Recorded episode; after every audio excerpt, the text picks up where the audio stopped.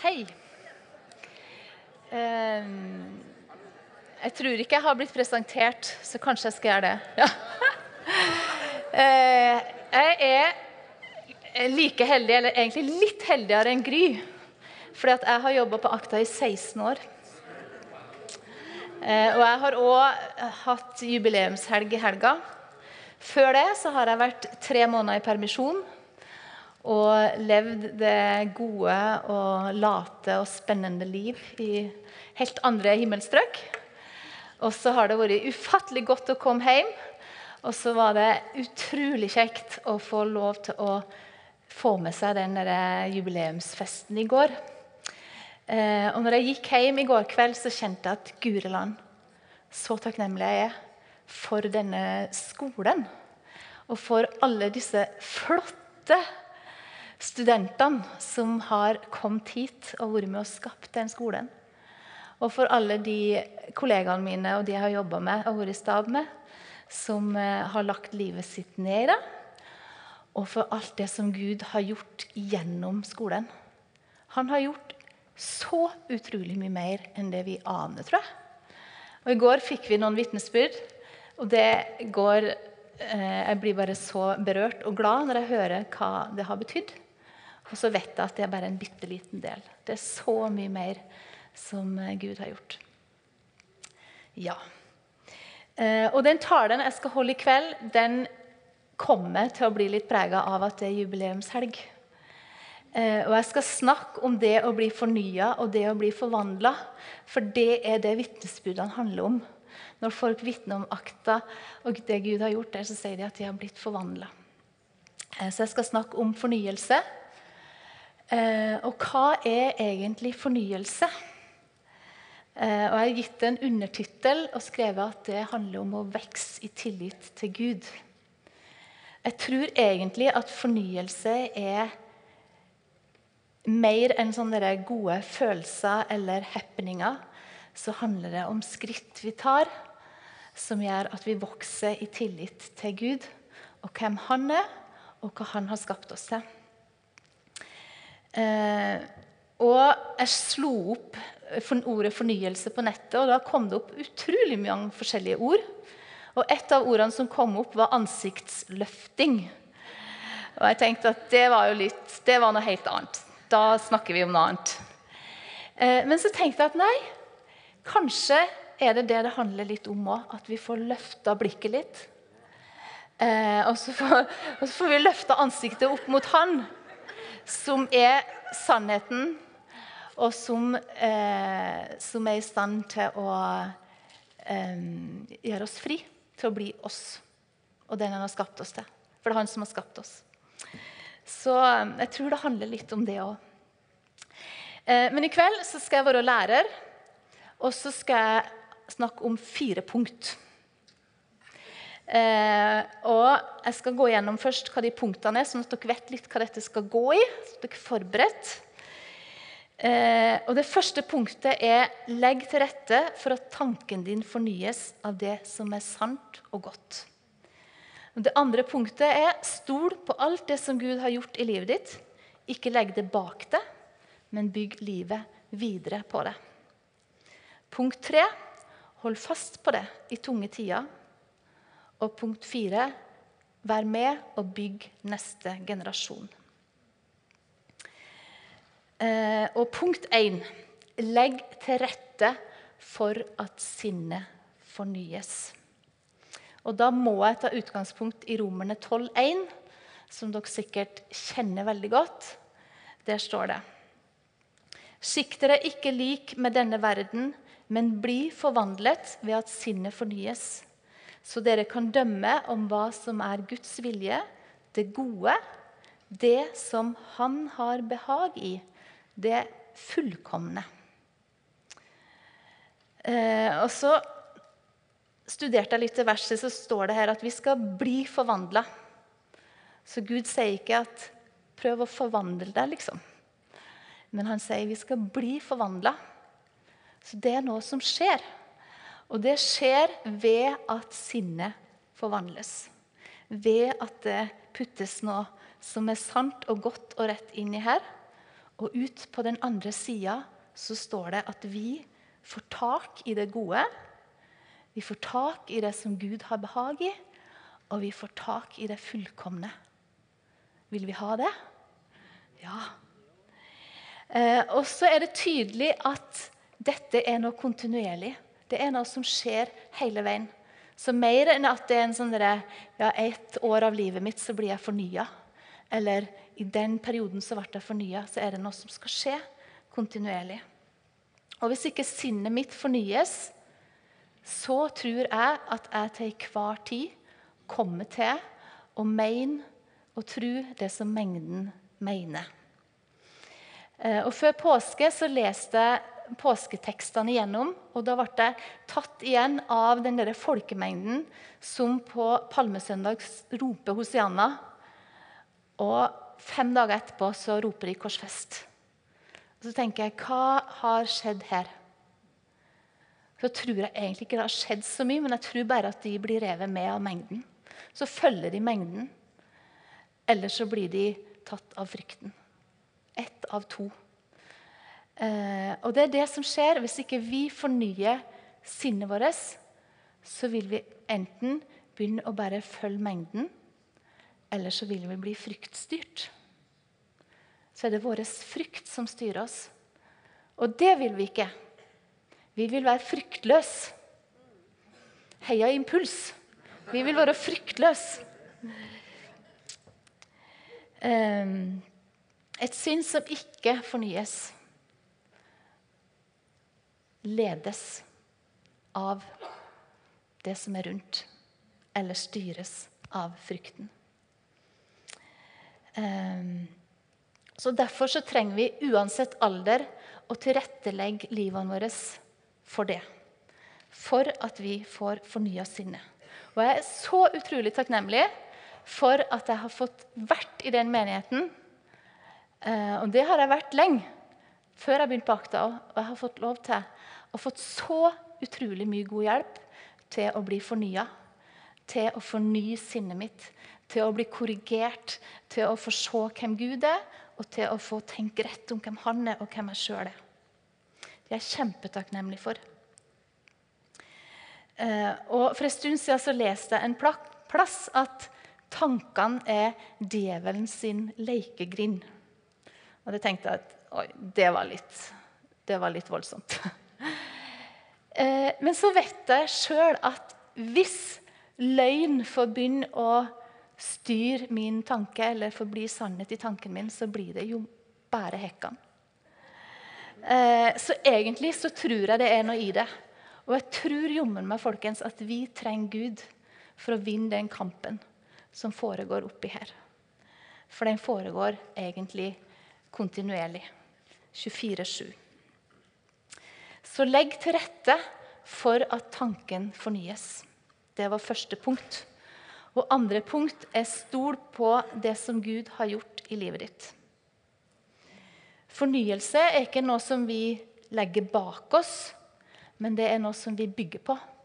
Og som vi bygger nåtida på, og som vi vil bygge framtida vår på. Og det er noe som skal endre kanskje retningen i livet, og som skal være med å løfte oss. Eh, og det er ikke sånn at 'ja, det var ei fin tid', liksom. Eh, nei, fornyelsen den skal være drivkrafta. sant? Eh, og når vi har feira jubileumshelg på Akta, så har vi feira alt det som Gud har gjort. For det, det kan vi virkelig feire.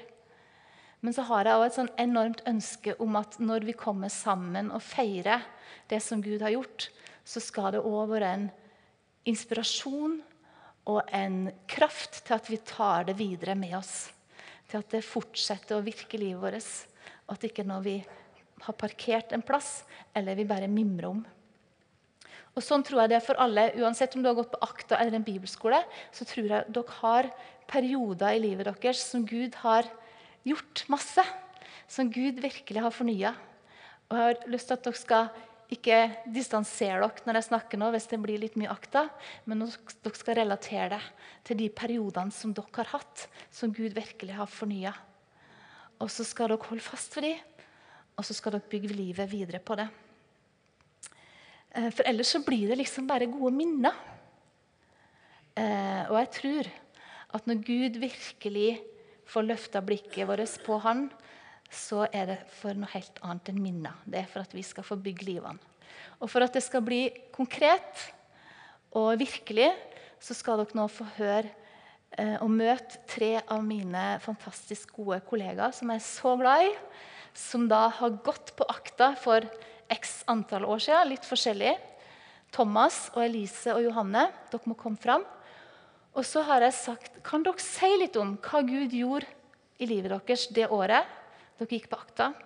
Og si litt om hva det betyr for dere nå, noen år etterpå. Er den på? Um, jeg gikk på akta 2010-2011. Uh, og før jeg kom til akta, så hadde jeg bodd på Stord hjemme med familien min. Og så snart jeg flytta ut, så merka jeg at um, jeg hadde levd i en uh, rolle som søster, uh, minstemann, og at jeg hadde um, sammenligna meg enormt mye med mine storesøstre. Og jeg hadde beundra dem om de er utrolig flinke til å synge, til å tegne, til å gjøre hjemmelekser og sånne ting. Jeg minner mer om brødrene mine. var litt mer sånn ramp. Og jeg merka når jeg flytta ut, at, eh, at jeg faktisk sammenligner meg. Det hadde jeg aldri tenkt over før. Så husker jeg på ei cellegruppe at eh, Gry ga meg et eh, kunnskapsord, et bilde, av en barneheim for jenter Eh, og alle ungene var ute i eh, ei eng med fine kjoler på oss hadde, eh, som leker. Da. Og så kommer Jesus gående imot barneheimen og, eh, og skal være med oss, eh, jentene. Og så står jeg da og lurer veldig på hvem Jesus har tenkt å plukke opp. Så ser jeg på de andre jentene. Det er sikkert hun, det er sikkert hun. Og så kommer han og plukket opp meg, sier Gry. Og akkurat nå, så mange år etterpå, så så gjør ikke det så masse med meg. Men jeg kan huske når hun delte det. Så var det nett så alt bare raste i meg. Jeg bare tenkte sånn Ja, Guriland, dette her dette her har jeg tenkt om livet mitt, og dette her har vært en sannhet for meg. Og jeg har aldri, aldri trodd at jeg har noe i mitt liv eller noe jeg kan tilby Jesus av tjeneste eller av talenter eller noe sånt. Og så begynte han en helbredelsesprosess der han begynte også gjøre meg bevisst på at jeg òg har noe å gi. At jeg har noe å elske Han med utover livet mitt. Um, og i forlengelsen av det så uh, var jeg såpass heldig at Thomas uh, valgte å uh, følge meg opp som en mentor og som en slags leder. Og ifra den relasjonen med han så har jeg lært at disippelskap da handler ikke bare om eh, å prestere i en rolle som Guds etterfølger, men det handler om familie. Og da å leve disippelliv handler om å leve familie. Og det er alltid viktig å vite hvem du følger, men òg at du har noen som følger deg. At du alltid har noe å gi. Og i en kontrast av da at jeg kom på akta og tenkte at jeg ikke hadde noe å gi, til nå i dag å være bevisst på at jeg alltid har en eller flere som faktisk følger meg, da vil jeg si er en fornyelse. Mm. Mm. Nydelig. Takk.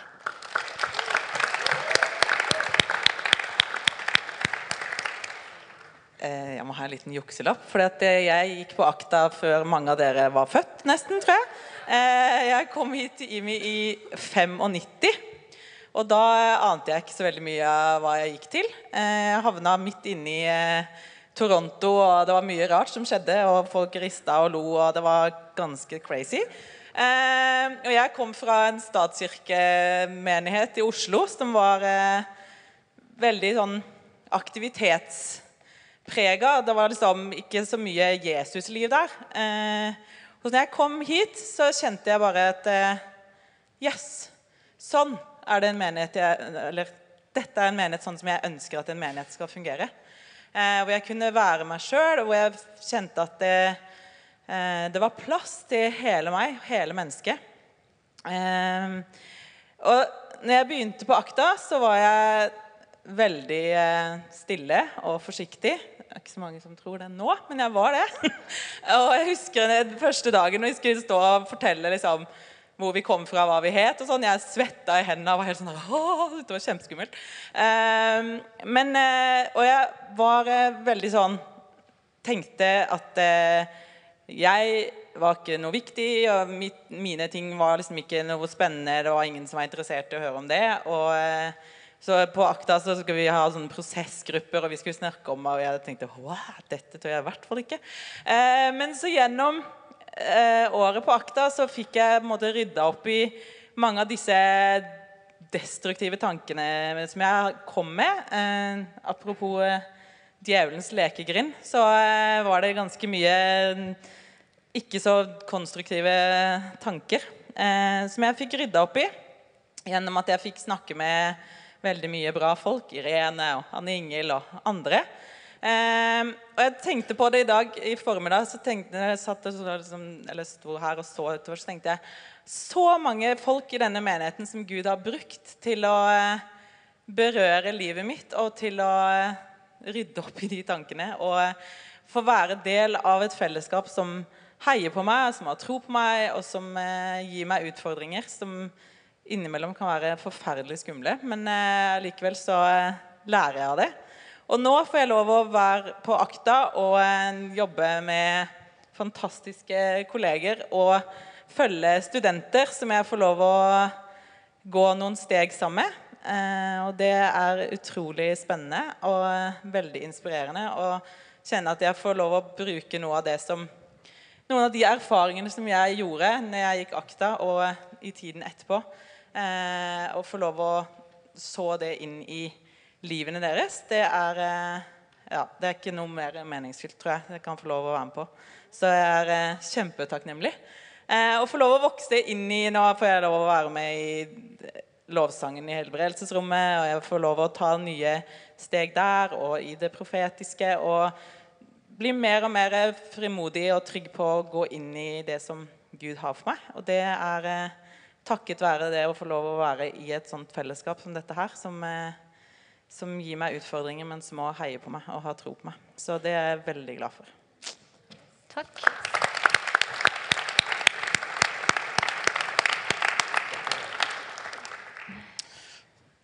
Så bra. Dere så forventningsfulle ut. Eh, eh, for eh, ja, det blir snart 20 år siden jeg, eh, jeg valgte å bli eh, kristen.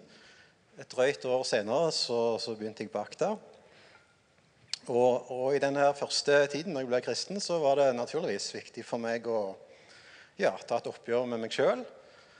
Eh, og ta et oppgjør med, med de tingene som eh, ja, hvor jeg hadde følt meg urettferdig behandla av andre. Da. Så, og, og, Noe av det som eh, stakk uh, dypest og, og, ble veldig viktig for meg i denne fasen, var dette med at jeg hadde gått egentlig hele ungdomstida egentlig ikke følt meg sett. Eh, I den grad jeg hadde følt meg sett, så hadde det handla om å være kanskje et, ja, mer, et, mer en, ja, en brikke i et spill eller en ressurs for andres ambisjoner osv. Skjønner du hva jeg mener?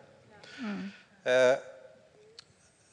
så for meg ble det på en måte viktig å på en måte ta et oppgjør med det. Og min tilnærming til det eh, var på en måte å, å, å glemme det. Eh, men, det. men, det. jeg så, det instinktet det egentlig lagde i meg, var at eh, jeg, fikk, ja, jeg fikk et sånt instinkt om at ingen skal i fall fortelle meg hvordan jeg skal leve livet mitt. Det er en sånn forsvarsmekanisme som, som, utvikler seg. Og det er noe bra. Det er noen elementer av noe bra der som handler om, å stå opp for seg sjøl. Og så har det en skyggeside, og det handler om at eh, du kanskje begynner å gjøre noen sånne valg som handler om mer om, mer om å handle på trass sant? enn å, om dette er bra eller dårlig. Eh, så min refleks på å skulle på en måte ta et oppgjør med fortida mi eh, skapte et instinkt om at ingen skal i hvert fall fortelle meg hvordan jeg skal leve livet. Og så, så begynte jeg på akta, og så har jeg for så vidt fått lov å gå mine første skritt eh, som kristen sammen med Halvor Lindahl. Og fikk gå enda tettere på han under akta. Og for første gang i livet mitt så, så opplevde jeg at noen kjempa for meg. Eh, som ikke gjorde det av en egen agenda. Eh, og hvor de ikke hadde trengt å gjøre det. Eh, eksempelvis sånne ting som at eh, ja, Thomas har vært frelst i ett år, to år, kanskje fem år. Så la oss ikke putte for mye på skuldrene hans. Ikke sant? Hvor Halvor ville være mer Dette har jeg tro på. Thomas må fram. Og, og det å ha en som kjemper for deg, det gjorde et enormt inntrykk på meg. eh, Og forandra meg. Og, og hjalp meg til å se en annen side av Jesus. Den Jesus som kjemper for oss når han ikke hadde trengt. Og gradvis så merka jeg at eh, fra å gå fra dette instinktet som handler om at ingen skal i hvert fall fortelle meg hvordan jeg skal leve livet mitt, så begynte jeg mer og mer å tenke at eh, historien min har, har vist meg forskjellen på å, altså betydningen av å bli sett og ikke bli sett. Og gradvis så merka jeg at fokuset mitt blir mer og mer Jeg kan se andre, og jeg kan kjempe for andre fordi jeg har opplevd det sjøl. Eh, så det lærte meg at Gud eh, kanskje Når Gud tar et oppgjør med vår fortid, at det kanskje ikke handler så mye om at vi skal glemme, men kanskje det handler mer om at vi skal omfavne fortida vår.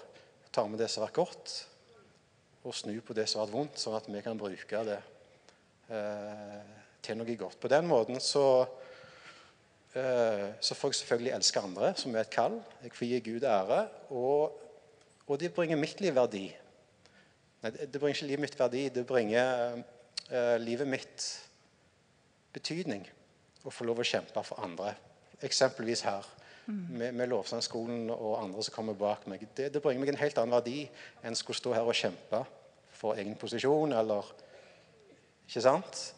Så, så det enkle der at, at en person valgte å, å kjempe for meg når han ikke hadde trengt å gjøre det, eh, det lærte meg at eh, Gud er ikke først og fremst opptatt av at du skal glemme fortida di.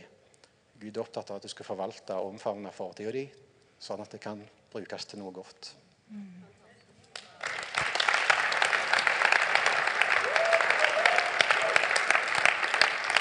Tusen takk, alle tre. Takk for at dere deler så ærlig. Eh, Og det jeg hører, det er at de har på en måte fått et nytt grunnfjell som de bygger videre på. eh, Og som de fortsetter å bygge livet på. Og det er nydelig. Og dette er tre historier, men det er så mange historier. Eh, Og jeg har lyst til å gi noen flere eksempel eh, på sånne historier. Eh, For noen år siden så kom det inn ei døra her som hadde gått på akta for ti år siden. Når hun gikk på akta, så var livet hennes fryktelig for å ha hatt en veldig vond barndom. Og Så kom hun tilbake her etter ti år. Så bare begynner hun å grine. Eh, og så sier jeg at eh, det året jeg var her, det har satt meg i stand til å leve de ti årene etterpå. Hun er nå fembarnsmor. Hun sier det er det som har satt meg i stand til å leve livet. Eh, og det er helt nydelig. Og når jeg var i Kambodsja, så traff jeg Dara, som kanskje noen av dere husker. Han gikk her for tre år siden. Og Dara han sitter ikke i Kambodsja og mimrer og tenker på det var en fin tid når jeg var i Imi, jeg skulle ønske jeg kunne reise tilbake igjen. Nei, vet du, han er full fres og deler og gir ut alt det han har. Og når jeg var der i februar, så leda han sammen med Shaya eh, hele den eh, aksjonen som jeg var på. Eh, han bare har tatt det videre. Eh, og det er så inspirerende å se. Eller når jeg var i Thailand og traff Lek, som gikk på lovsangskolen sammen med noen av de som sitter her. Patana, sant? Lek. Eh, hun kom her og eh, fikk en erfaring av anerkjennelse som hun aldri har opplevd før. For I Thailand så var det litt sånn at hvis du eh, sang eller leda lovsang, eller sånn, så var de veldig snar ut og sa hva du gjorde feil. Så fikk jeg erfare at her ble jeg heia på. Her ble jeg liksom eh, løfta opp, og hun ble liksom heia på. Og når hun forsøkte, og det ikke gikk så bra. Og så traff jeg, og I mai så sier hun at jeg har egentlig en drøm om å gi dette videre til ungdommer i Thailand. Men jeg har ikke våga. For jeg spiller jo ikke noe instrument, jeg bare synger. Så snakka vi litt sammen og sa men du kan gjøre det sammen med noen. Og Så kom jeg tilbake nå Det er bare noen få måneder etterpå. Så er hun i full gang sammen med noen av de jentene som har bodd i Aktahuset, og noen fra staben. Så har hun hver eneste lørdag samla en gjeng med barn og ungdom hjem i huset. Og så har de instrumentopplæring, og så bringer de en kultur som er helt annerledes enn de har. Er ikke det kult? At det, det er noe vi tar med oss. Eh, og så kunne jeg fortsette. Vi har IMI Arendal, vi har IMI Oslo. Og dette hadde ikke blitt hvis ikke de hadde våga å gått på det de har fått. Og at de har våga å gå inn i det, gå ut på det og ta sjansen.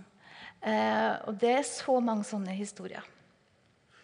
Og så tenker vi ja, men dette er de gode historiene. Og det er det. Det er de gode historiene. Og kanskje noen av dere tenker men jeg har hatt så mange erfaringer etterpå at jeg kjenner ikke helt at det har blitt sånn. Og jeg tror ikke det, jeg tror ikke det fins lenger, egentlig, det som Gud gjorde den gangen. Eh, og da vil jeg bare si det at jo, det Gud har gjort, det er der. Uansett om du føler det helt annerledes. Vi sang veldig mye om det i stad. Det Gud har gjort, det fins. Eh, og det står et bibelvers i Forkynnerne 3,14 eh, som er veldig sant. Der står det Jeg skjønte at alt Gud gjør, står gjennom alle tider. Jeg skjønte at alt Gud gjør, står gjennom alle tider. Og vi vet det at det Jesus, eller Gud gjorde på korset gjennom Jesus, det står gjennom alle tider. Og det Gud gjorde gjennom Paulus, det står gjennom alle tider. Og det Gud gjorde og har gjort gjennom Gry, det står gjennom alle tider. Eh, eller det Gud har gjort og gjorde gjennom Halvor, det står gjennom alle tider. Og det Gud har gjort og gjør gjennom deg, det vil stå gjennom alle tider. Uavhengig om du akkurat her og nå klarer å føle det eller ei. Men det står. Det står fast, og det står i Bibelen. Det Gud gjør, kan ingen gjøre ugjort. Og Gud gjorde jo så mye det året. Men det var jo et annerledes år, og det var jo ei boble. Eh, og det er egentlig sant. Men så er det egentlig òg litt løgn inni det. Eh, for det at jeg tror det sniker seg inn noe farlig når vi tenker sånn. For det året som du ble kjent med Gud og så mer av Han, kanskje var det det året du fikk knust noen vrangforestillinger om hvem han var, eller av hvem du var, som Johanne forteller. Og kanskje var det det året du var mest fri til å være akkurat den du var. Og kanskje det er mer sant enn at du var i ei boble. Og Marit, som gikk på lovsangskolen for tre år siden, hun delte i går eh, at når hun kom til akta, så var egentlig en del av håpet for livet hennes knust. Eh, og så fant hun tilbake håpet, og så skrev hun en sang som heter 'Hjem'. Og I den sangen syns jeg hun uttrykker så utrolig nydelig akkurat dette her. For der skriver hun I din nærhet er jeg i min hensikt helt meg selv. I deg har jeg funnet hjem. Så kanskje er det ikke sannheten at det var året i bobla, men kanskje er det sannheten at det året så fant du hensikten. Så var du helt deg sjøl, og så var det da du kom hjem. Kanskje det er mye mer sant. Og For å fortsette å være det, for å fortsette å være helt oss sjøl, så må sinnet stadig fornyes. Og det gjør vi best ved å være i nærheten av Han som har designa oss. Eh, I hans nærhet er, kan vi være helt oss sjøl. Så stol på det som Gud har gjort i livet ditt. Og ikke legg det bak deg, men fortsett å bygge livet ditt videre på det. Det var punkt to. Når vi er halvveis Nei, det, vi er mer enn det. Slapp av. Det går fortere på slutten. Punkt tre hold fast på det i tunge perioder. Hva skjer når det du drømte om, eh, blir knust? Når tjenesten ikke blir tjeneste lenger, men det blir sykdom? Eller når den du drømte sammen med, velger å gå en annen vei? Og kanskje er du på et punkt hvor du syns at bibelskoleelever eller sånne eh, såkalte fornya mennesker er over gjennomsnittet høy og litt slitsom. Eh, og at det ser litt slitsomt ut. Eh, og det er litt slitsomt hvis det er noe du må liksom løfte deg opp til. Så er det ganske slitsomt. Men Gud han har ingen humørsvingninger. Og han kan òg være ankeret i livet. Eller han er ankeret i livet. Og å oppdage det, at han er ankeret, og når vi er der, det kan gi både glede og frihet.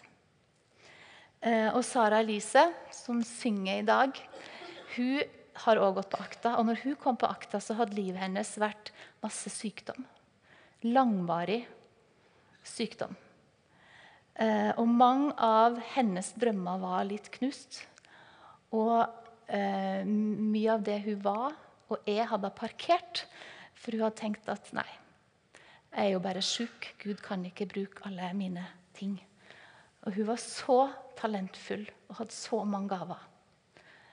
Um, og så går hun her, og mens hun er her, så skriver hun en sang som dere har vært med og sunget tror jeg, mange ganger, som forteller at midt i det så fant hun håpet.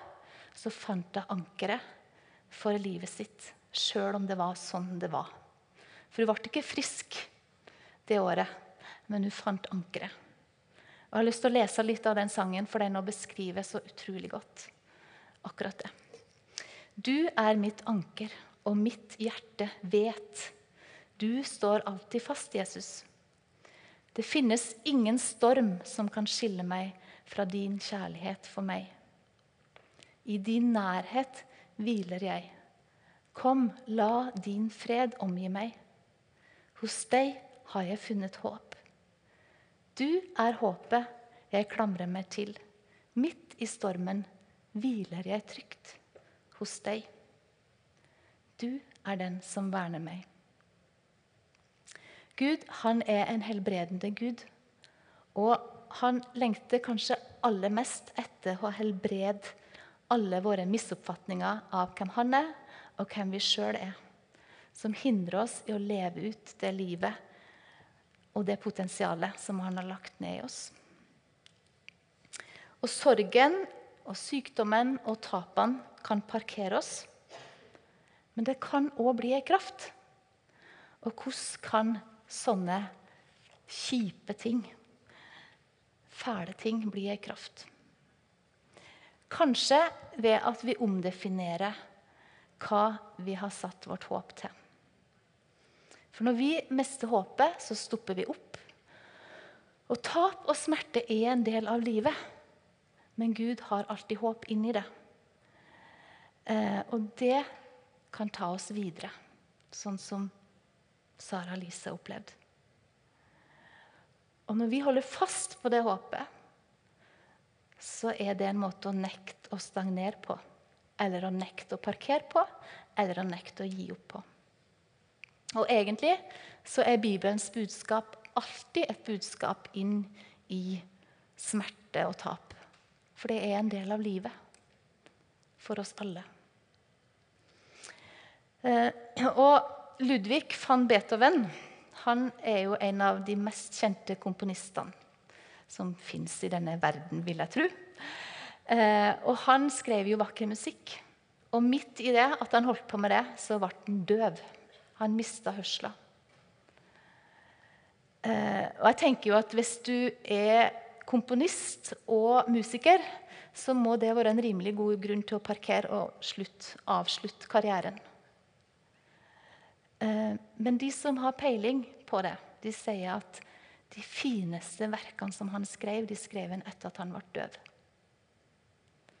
Det er ganske utrolig. Det er nesten sånn at jeg ikke skjønner det helt.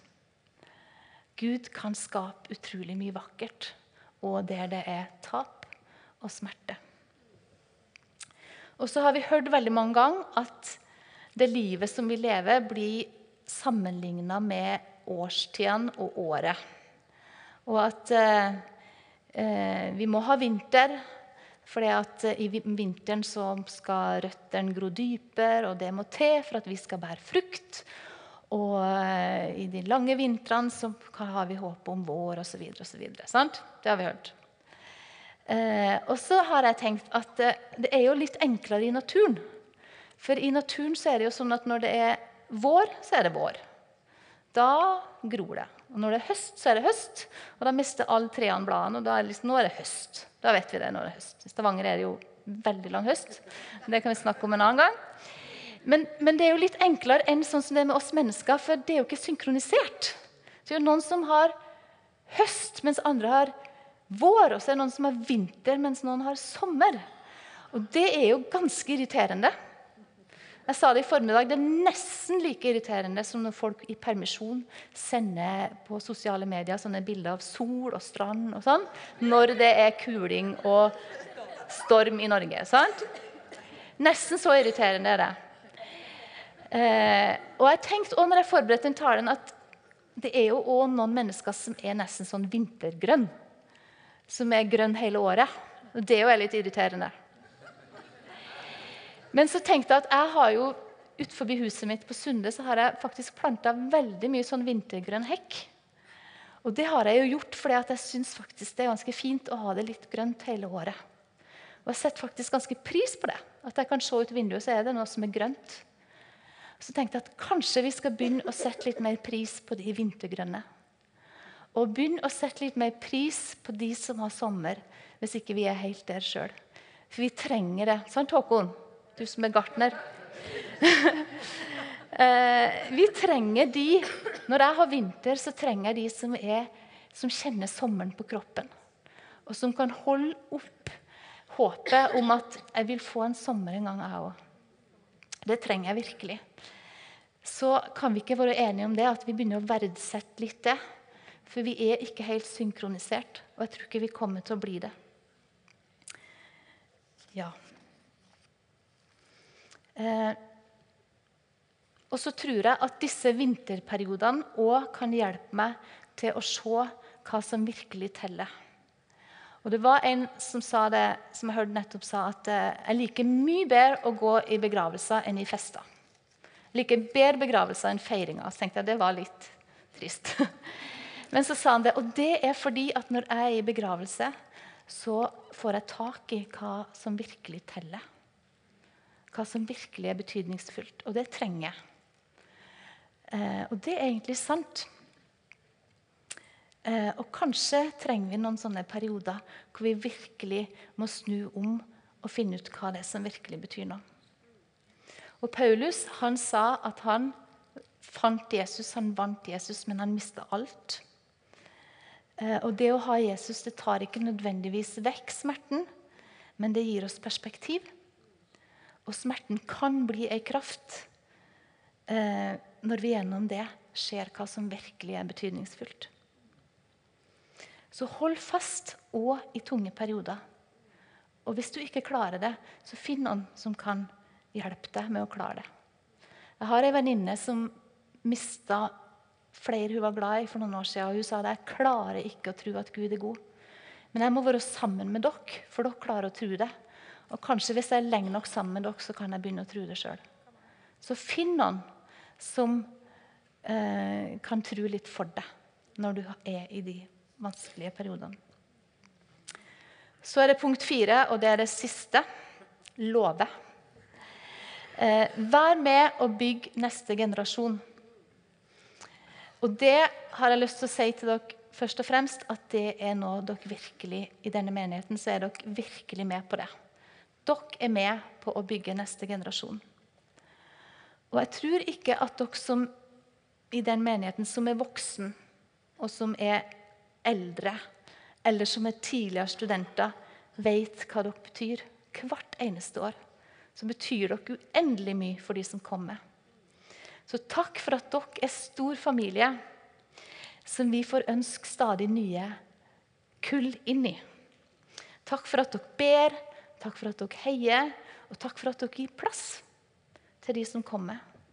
Takk for at dere er foreldre, takk for at dere er besteforeldre og søsken for de som kommer hit. Og Studentene våre de verdsetter det. De setter ord på det hvert eneste år. At en stor del av dette året det er faktisk å komme og være med i dette fellesskapet. Så tusen takk. Det er så avgjørende viktig at vi får lov til å høre til her. Og Det siste året så har jeg hørt to unge jenter reise opp i en forsamling. Eh, det siste var på Åpen himmel i sommer. Kanskje noen av dere var der.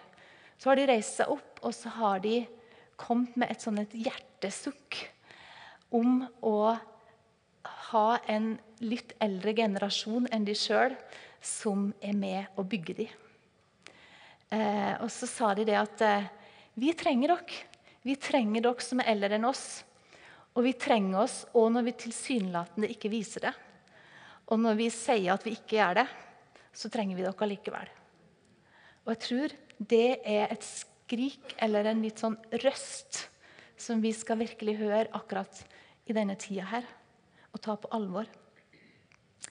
Eh, vi trenger en foreldregenerasjon som involverer seg, og som bygger eh, de som kommer etter. Og så tror jeg at vår fornyelse, for oss som er voksen og gammel snart eh, Jeg tror kanskje at vår fornyelse kanskje først og fremst ligger i at vi er med og gir videre alt det vi har fått hele livet vårt. Eh, og jeg tror at gjennom det så tror jeg at vi vil erfare den fornyelsen som vi kanskje lengter etter. Eh, at vi lar oss inspirere og utfordre av de som er unge. At vi er trygghet, at vi er plattform, og at vi gir tillatelse til at alle de som kommer etter oss, får lov til å ta ut det potensialet som Gud har lagt ned i, i de. Og så skal vi slippe å sammenligne oss med våre sønner og døtre. Vi skal elske dem. Og vi skal elske at de er vakrere enn oss, at de er flinkere enn oss, eh, og at de kanskje har mer kraft enn vi noen gang har hatt. Og så skal vi bare elske det og heie på det. Så vær med og bygg neste generasjon. Dere er det.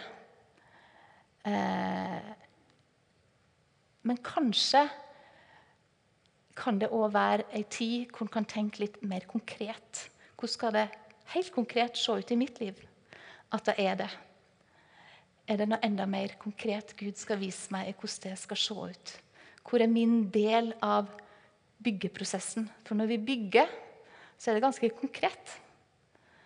Eh, bygger vi et hus, så må vi gjøre de konkrete tingene. Så kanskje må vi tenke litt konkret. Hvordan skal det se ut? Helt til slutt så skal jeg bare oppsummere kort det jeg har fokusert på. Punkt 1 var å legge til rette for at tanken din fornyes av det som er sant og godt. Gjennom dagen, gjennom uka og gjennom året. Stol på alt det som Gud har gjort i livet ditt. Ikke legg det bak deg, men bygg livet ditt videre på det. Og hold fast på det i tunge perioder. Og kanskje er du i en fase av livet hvor du virkelig skal det bare være et anker som holder og bære deg gjennom. Og vær med og bygg neste generasjon. Jeg skjønte at alt Gud gjør, står gjennom alle tider. Skal vi be. Gud, jeg takker deg for at eh, alt det som du har gjort igjennom alle de menneskene som er i dette rommet, det står til alle tider alt det du har gjort, alt det du holder på med nå, alt det du skal gjøre, Gud, det skal stå. Det er evigvarende. Og Gud, jeg takker deg for at du er så begeistra for hver enkelt. Du har behag i hver enkelt som sitter her. Og bare ber Gud om at eh, alle skal vokse i tillit til deg gjennom det året som ligger foran nå. Og at vi skal holde fast på alt det som du har gitt oss i det livet vi har levd så langt. Sånn at vi kan bygge sant. Sånn at vi kan bygge sterkt. Og sånn at eh, vi virkelig vokser i tillit til deg, Gud, for det er du som skal gjøre det. Amen.